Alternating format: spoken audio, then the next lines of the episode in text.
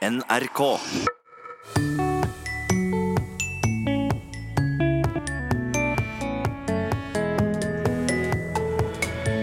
Når skrev du et håndskrevet personlig brev sist? Ja, Det må være over ti år siden. Minst, tror jeg.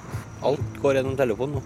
Og Messenger det er det, det er de som vi bruker mest nå. Hva gjør all denne korte, digitale kommunikasjonen med språket vårt?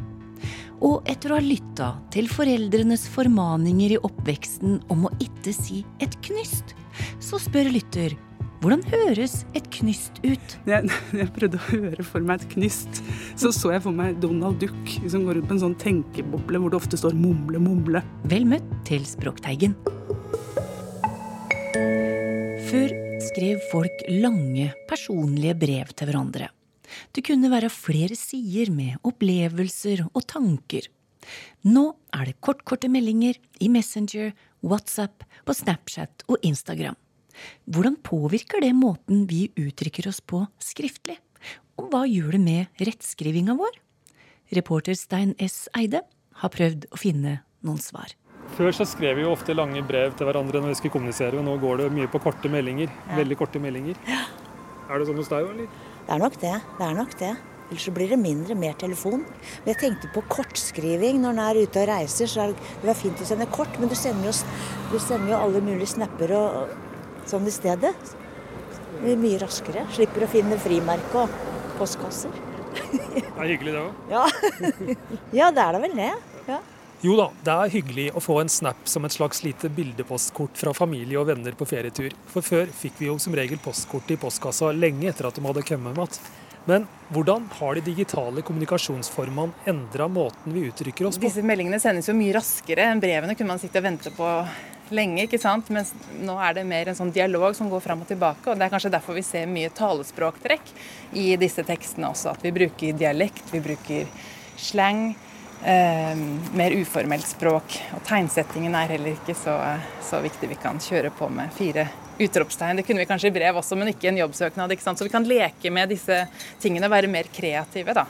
Kristin Wold Eksander ved Senter for flerspråklighet ved Universitetet i Oslo forsker på bruk av ulike sosiale medier i familiekommunikasjon, og er opptatt av digital kommunikasjon. Det som skiller eh, disse korte meldingene vi sender til hverandre fra brev og andre typer tekster som eh, skolestiler og jobbsøknader og sånn, er jo at det er mye mer åpent, det er mye større valgfrihet og starte med 'tusen takk for brevet' osv. som det var i disse brevene du skrev. Så man har en mye større valgfrihet der man kan skape sin egen stil.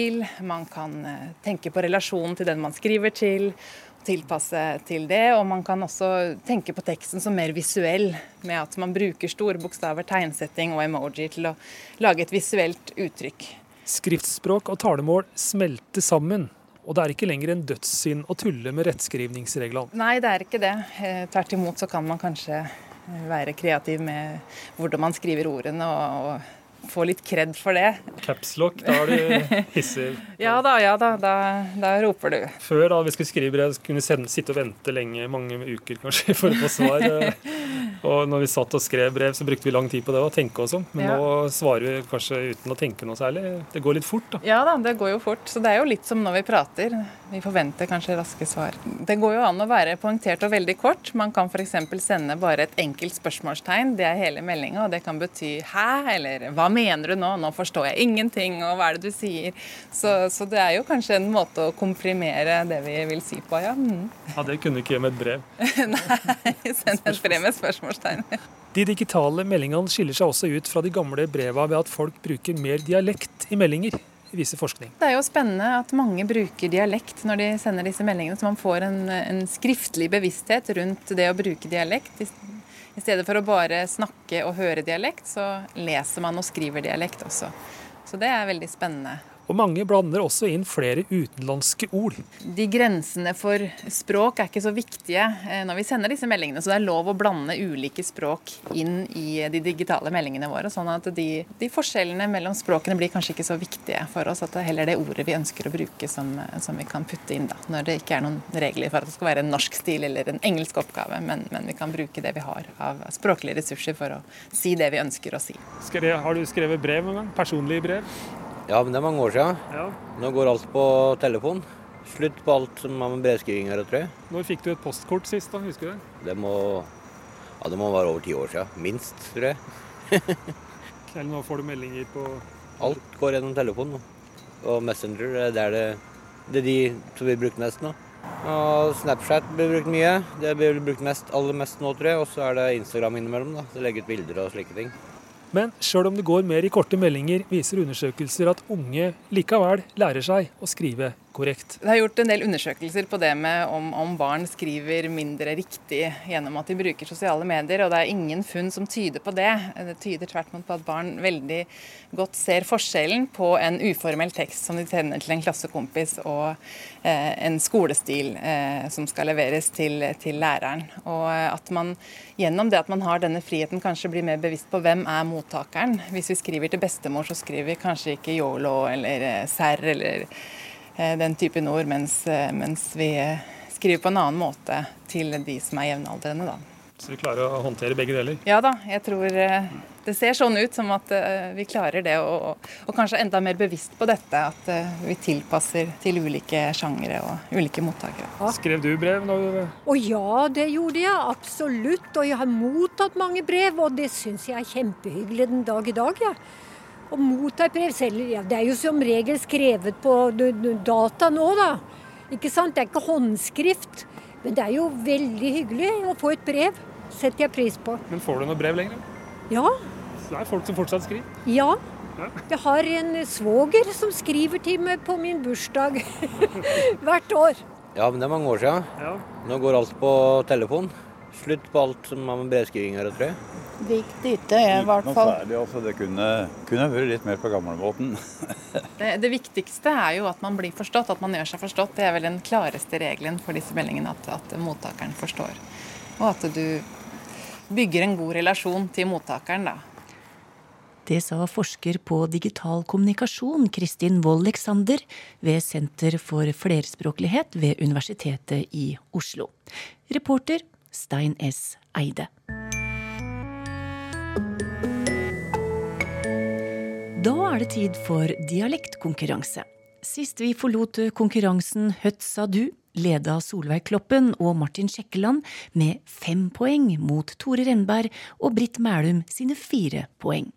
Åse Vetås har flere poeng å dele ut, og Linda Eite deler ut nye oppgaver. Eh, det er en nyhetsoppleser på NRK P3, ungdomskanalen, og her må en ta litt tid å komme inn i dette, for det ligger et sånt uh, lydteppe under nyhetene. Men veldig spennende, interessant dialekt. Og hør på dette radioinnslaget. Og først om at færre folk kan miste livet i trafikken. Alle som dør i trafikken, må undersøkes. Dette foreslår ei arbeidsgruppe som har jobba for Samferdselsdepartementet. 107 personer døde i trafikkulykker i fjor, men bare halvparten ble obdusert. Departementet vil finne ut av hvorfor folk dør, sånn at det skjer mindre trafikkulykker.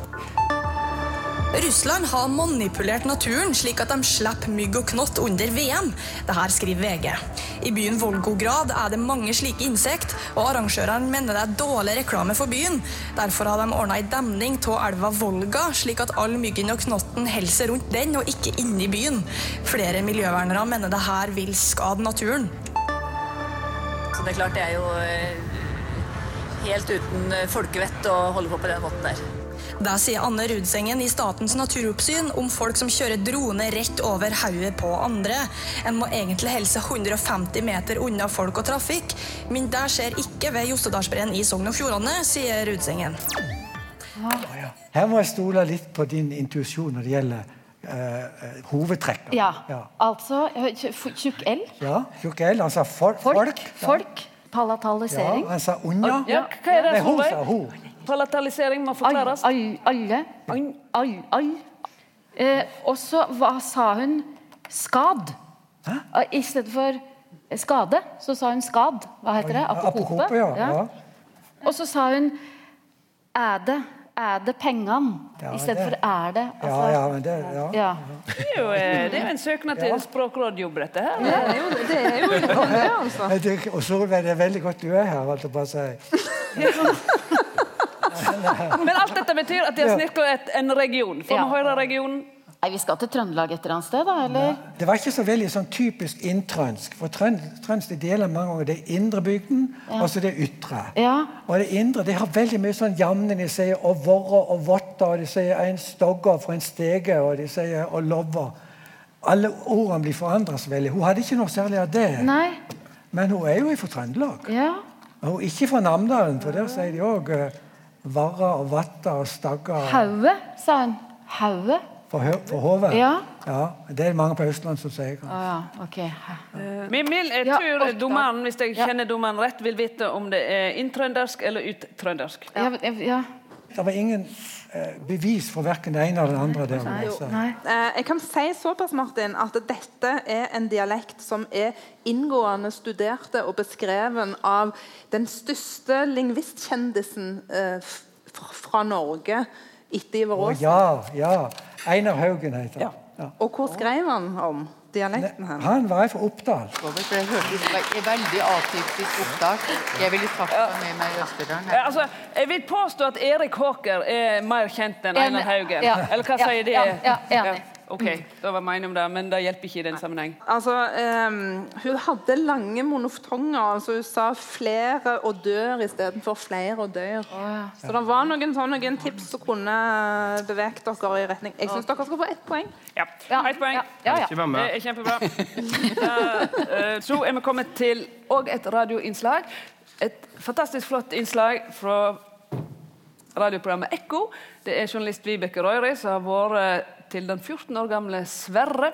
Som er opptatt av eh, Eller han er en framtidsbonde. Han har mange tanker om det å være bonde. Han er bare 14 år, og her har han eh, tenkt sine tanker om ei hes og det å hesje. Så spørsmålet er jo hvor er det han hesjer og har hes denne gutten? Hør på dette. Og det her høyet, det har jo jeg da hersa ved hjelp av å sette opp ei hersa som er Da setter man opp staurer, og så trer man strenger og eh, knyter rundt stauren. Sånn at det henger på en tråd. Sånn at når det begynner å regne, så, eh, så renner vannet av hersa som et stråtak. Så det tørker jo høyet ikke sant, på disse hesjene. Ja. Jeg kunne også ha tørka det på marka, men det er veldig sjelden her oppe at det er så fint vær. Ja. Så da syns jeg det var best å herse. Men du syns det er vakkert òg, ikke sant? Ja, det er praktisk og estetisk vakkert. Nei, det er bare den følelsen av at du hører vinen bløse gjennom gresset. Og du vet at det er mye vind ute, men så vet du samtidig at du har gjort alt rett med hesja, som gjør at ikke det, ikke bløser av noe gras. Og det syns jeg er så flott. Og så uh, de lange, slake linjene imellom hver staur. Og så når det kommer sola opp i tillegg, og du bare hører gresset får sånn flott tørka lyd. Det er så Ja, du hører det knaser. Da vet du at du har ordentlig tørt gras. Tore, du som er forfatter. eh, Nei, vet du hva? Hør på! Det er jo, det er jo en lyriker. Ja. Når du hører 'bløs gjennom gresset' han, han, han, Fantastisk ung gutt. Vi må ringe han med en gang. Ja. Hæ? Tenk å ha en sånn sønn. Ja. Åh, ja.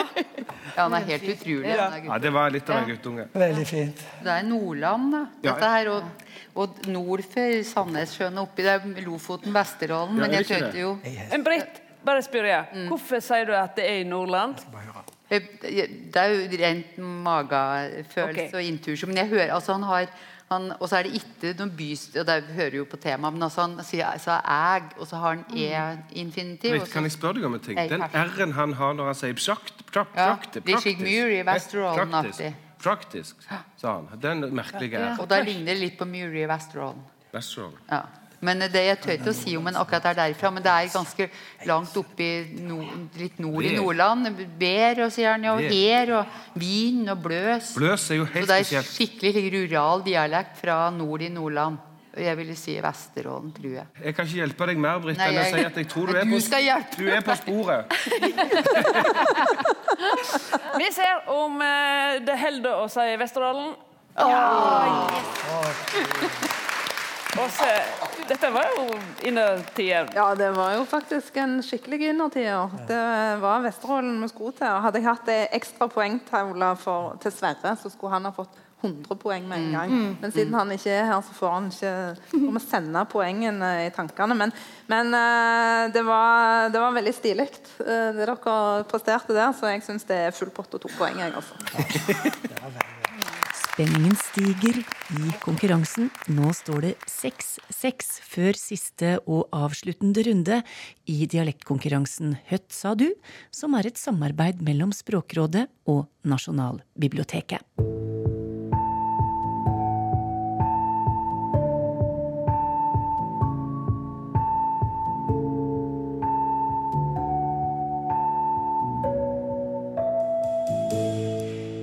Vi farter videre og utforsker nye reisemål. På farten med Språkteigens lille latinskole. Vi starta med å utforske verdensdelene forrige uke, og reiste fra Vibeke Roggen ved soloppgang i Østen. I dag beveger vi oss raskt videre og gjør en liten svipptur innom Afrika, som vel var en romersk provins? Ja, de hadde forskjellige provinser som eh, ble kalt Afrika. Så den ene var da de eh, tok Egypt i 31 før Kristus, da, da Antonius og Kleopatra ble slått i sjøslag. Og Kleopatra som siste dronning av Egypt. Så det var én, men de tok forskjellige deler av Nord-Afrika til forskjellige tider, og det var flere forskjellige provinser som ble kalt Afrika. Mm. Og det landsnavnet kommer av navnet på, på befolkningsgruppa. En afrikaner, afer. Mm. Men vi har ikke tid til å bli lenger i Afrika, for vi skal seile videre mot Amerika, en del av verden antikkens romere ikke kjente til. Men en italiensk sjøfarer og oppdager kom seg dit og satte spor etter seg. Ja, det var selve navnet Amerika. Ja. Og som eh, mange vet, det kommer det av fornavnet til Amerigo Vespucci. Ah, eh, Det er latinisert. Amerigo ville bli Americos. Og så er det da blitt A for å passe med andre lands navn eller navn på kontinenter, eller fordi det skulle passe med America Provincia, den Amerika, provinsen Hmm. Amerika. Kan du si litt mer om Amerigo Vespucci, og hvorfor nettopp han skulle gi navn til den nye verden? Han var en eh, handelsmann og geograf som, eh, som levde 1454 til 1512. Han eh, deltok i fire ekspedisjoner til Amerika før og etter år 1500. Og han skildret sine reiser i form av brev i en bok som ble oversatt i forskjellige språk. Fire reiser heter den, hvis vi skulle tenke hva han skulle hete på norsk. Og eh, det var vel kanskje en grunn til at han ble så godt kjent for allmennheten, bedre kjent enn Columbus. Ja. Ja. Og et eksempel på det er eh, Thomas More i hans bok eh, Utopia fra 1516. Han skaper en fiktiv karakter, Hytlo Daios, eh, som følger med Vespucci på en av hans reiser, tar en avstikker og oppdager øya Utopia. Hmm. Moores bok var skrevet på latin og skapte den utopiske sjangeren. Og dette var da 1516, da er vi jo nokså tett innpå disse oppdagelsesreisene, da. Det er en tysk kartograf, Martin Waldseemüller, som eh, har fått æren for å, for å ha kommet med det forslaget om å kalle den nye verden for Amerika i 1507. Ja, så det foreligger på kart fra 1520-tallet og utover Amerika, med C, da. Og Vespucci skjønte det Columbus ikke skjønte, nemlig at det nye landet ikke var Asia, men altså et nytt kontinent. Og derfor ble det Amerika. Ja, han har jo Colombia, da. Det får holde. Ja, det er jo sånn det ble. Ja. Vi går om bord i skuta vår igjen, Vibeke, og tar sjøveien mot den siste verdensdelen vi skal besøke. Og en del av eh, verden romerne ikke visste noe om. Men de ante at det var noe der. Ja, det var en teori eh, eh, visstnok lagt fram av Aristoteles om at jorden måtte være balansert, og at den nordlige landmassen måtte ha et sørlig motpunkt. Og det var da terra australis incognita. Terra betyr jo jord, eller land. Australis betyr sørlig. Incognita ukjent. Så ukjent sørlig land. Og australis er et adjektiv som bøyes etter tredje deklinasjon, ikke sånn som os a som bøyes, bøyes etter første deklinasjon. Og for å få det til å slutte på a, så må man gå til intetkjønn flertall. Så Australia er intetkjønn flertall av det adjektivet, da. Etter å ha tilbakelagt noen nautiske mil på Atlanterhavet nå, så er det kanskje naturlig å spørre om opprinnelsen til det navnet òg? Ja. Da har vi eh, den mytologiske skikkelsen Atlas. Eh, Det er jo han som har eh, gitt navn til våre kartbøker også. Der har vi jo bare fått eh, nominativen, rett og slett. Eh, I genitiv heter han Atlantis.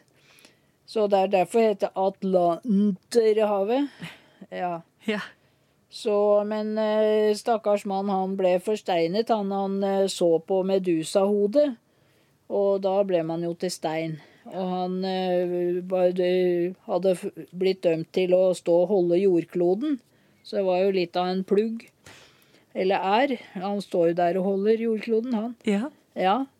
Så det er hans eh, jobb, og det er da ved Herkules søyler og ved skillet mellom Middelhavet og Atlanterhavet omtrent.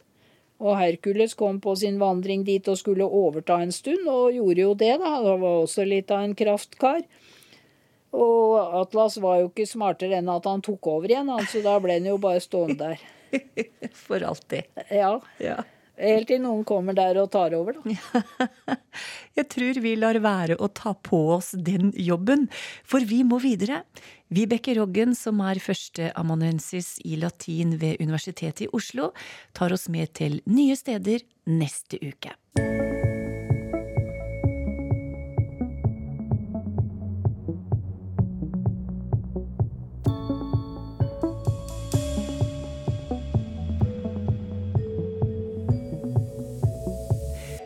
Toril Oppsal er på plass for å svare på lytterspørsmål, og Charlotte Andrea og Samuel spør Hva er opphavet til ordet loppekassa? Ifølge Norsk Akademis ordbok er loppekassa en spøkefull omskriving av seng. Men hvor gammelt er begrepet, og hva er opphavet? Det gir jo assosiasjoner til tidligere tiders sengehalm, der alt slags utøy trivdes. Men når kom det inn i norsk, spør dem. Ja, eh, dette her er eh, Altså, hva- det betyr, det har eh, Charlotte Andrea og Samuel beskrevet helt utmerket. For det er nettopp denne, denne kassa med, med, med både litt av hvert av utøy og småkryp oppi. Eh, og forhåpentligvis har vi ikke så mye av det i våre dager, men, men fortsatt så ser vi sånne Husk å støvsuge lakenet. Eh, Ja. Annonser innimellom. Men, men la oss ikke dvele ved den, den, biten. Eh, det er vanskelig å finne noe entydig opphav til dette ordet. Altså, her hadde lytterne slått opp i Norsk Akademis ordbok, og de har et belegg fra 1912, altså tidlig 1900-tall. Eh, Og før det så har heller ikke jeg vært i stand til å finne noe. Og samtidig så ser vi at i norsk ordbok så fins det belegg på dette ordet fra store deler av Norge. Mm. Altså det, det er utbredt i mange dialekter. Det er, det er ikke, vi kan ikke knytte det til noe geografisk område som sådan. Eh, og det tyder også på at det har vært her en stund, eh, og at det er ganske alminnelig. Eh, men jeg kan altså ikke finne det øyeblikket der noen spratt opp av loppekassa og sa 'nå spratt jeg opp av loppekassa'. Altså, eh, og det er interessant også Altså, det, det, det er relativt utbredt som navn på småbarnsavdelinger i barnehager, har jeg sett. Eh, og det husker jeg fra min egen barnehage i sin tid. Der hadde vi også loppekassa. Tilfeldig. Hm, Eh, Jeg finner ikke noen tydelige eksempler på bruk i svensk og dansk, våre nærmeste nabospråk heller. Eh, Jeg har funnet en interessant liten sånn diskusjon på et forum som tar utgangspunkt i en sånn eh, som er veldig populært nå. Eh, Og der er det noen som lurer veldig på dette uttrykket på norsk. med nå må du komme deg ut av loppekassa. Now you have to jump in the flea box, som det står. Og, og dette reagerer de på, og syns høres veldig snodig ut. Uh, Så det tyder jo på at det er ganske ja, eget. Og kanskje litt unikt. Men, eh, men her gjenstår det spennende forskningsoppgaver, så det er bare å komme seg ut av loppekassa og studere dette videre. Et knyst er en ytring man som barn ble advart mot å komme med. Da dette, av frykt for represalier, selvfølgelig ble respektert, lurer jeg veldig på hvordan et knyst egentlig høres ut, skriver Terje Forsberg. Ja, det var en fabelaktig oppgave. Altså, et knyst, det, det er jo, eh, vil jeg tro, et resultat av et verb å knyste. Og det å knyste betyr å lage lyd. Men det henger også sammen med verbet å kny, eh, som ofte betyr det å murre og mulle og klage. Eh, Sånn at et knyst vil ja kunne være hvilken som helst lyd, men ofte en lyd som uttrykker en form for protest. eh, Eller klage. Og vi har jo norrøne gnya og gnydja også, som betyr å knurre og dure. Eh, Og jeg må innrømme at når jeg, når jeg prøvde å høre for meg et knyst, så så jeg for meg Donald Duck som går rundt på en sånn tenkeboble hvor det ofte står 'mumle, mumle'. For der har du denne litt eh, ja, protesterende og klagende lyden som ikke slipper helt ut. Så et knyst er kanskje et Jeg kan tenke litt på det. Eh, altså, jeg tror ikke det er så forferdelig spesifikt. Og det viktigste når man ikke skulle eh, ja, komme med et knyst, det var jo at man skulle tie stille. Så, så liksom prøv å skape den lyden uh, som uh, dukker opp når man skal være stille og ikke får det helt til. Der har du et knist. Og egentlig har litt protest inni seg. Ja. Jeg lurer på hvor uttrykket 'hulter til bulter' kommer fra. Jeg hørte på radioen at de nedsagde trærne lå hulter til bulter. Og vi kan si at han kasta klærne sine hulter til bulter. De rimer jo på hverandre og forsterker på en måte effekten i uttrykket. Men betyr de noe hver for seg, spør Jan R. Lien. Ja, her har vi fått en flott forklaring på uttrykket. For, det, for dette med rim, rimord og forsterkning er Det er løsningen her. Ja. særlig eh, når det gjelder hulter. For, for det er eh, faktisk slik at bulter ser ut til å bety noe for seg selv. Eh, hulter er nok danna nettopp som et rimord til bulter. Mens bulter, det er knytta, og vi har dette her fra det tyskspråklige området, som vi, som, vi ofte, som vi ofte henter ting fra. Eh, Der er det et eh, verb som betyr noe sånn som å lage, dumpe lyder. Altså bulderen, eh, som i moderne variant blir polteren, som vi også kjenner igjen i Jeg lurer på om dette her var ja, det var Norske Akademiets ordbok som knytta dette også til poltergeist. Disse spøkelsene som, som bråker og lager lyd. Eh, Så, så hulter rimer på bulter, som betyr å lage lyd. Eh, Vi har også et verb å hultre på norsk. Så ett hulter, det er å hultre. Men, men, men det er en helt eh, annen historie enn hulter til bulter. Og nå begynte denne forklaringen å bli litt hulter til bulter, så jeg tror vi skal nøye oss med at hulter rimer på bulter, som er knytta til et verb som betyr å lage lyd. Jepp, vi konkluderer med det. Takk til deg, Toril Oppsal. Og med det er Språkteigen ved veis ende. Vi er tilbake neste uke. Ha det bra.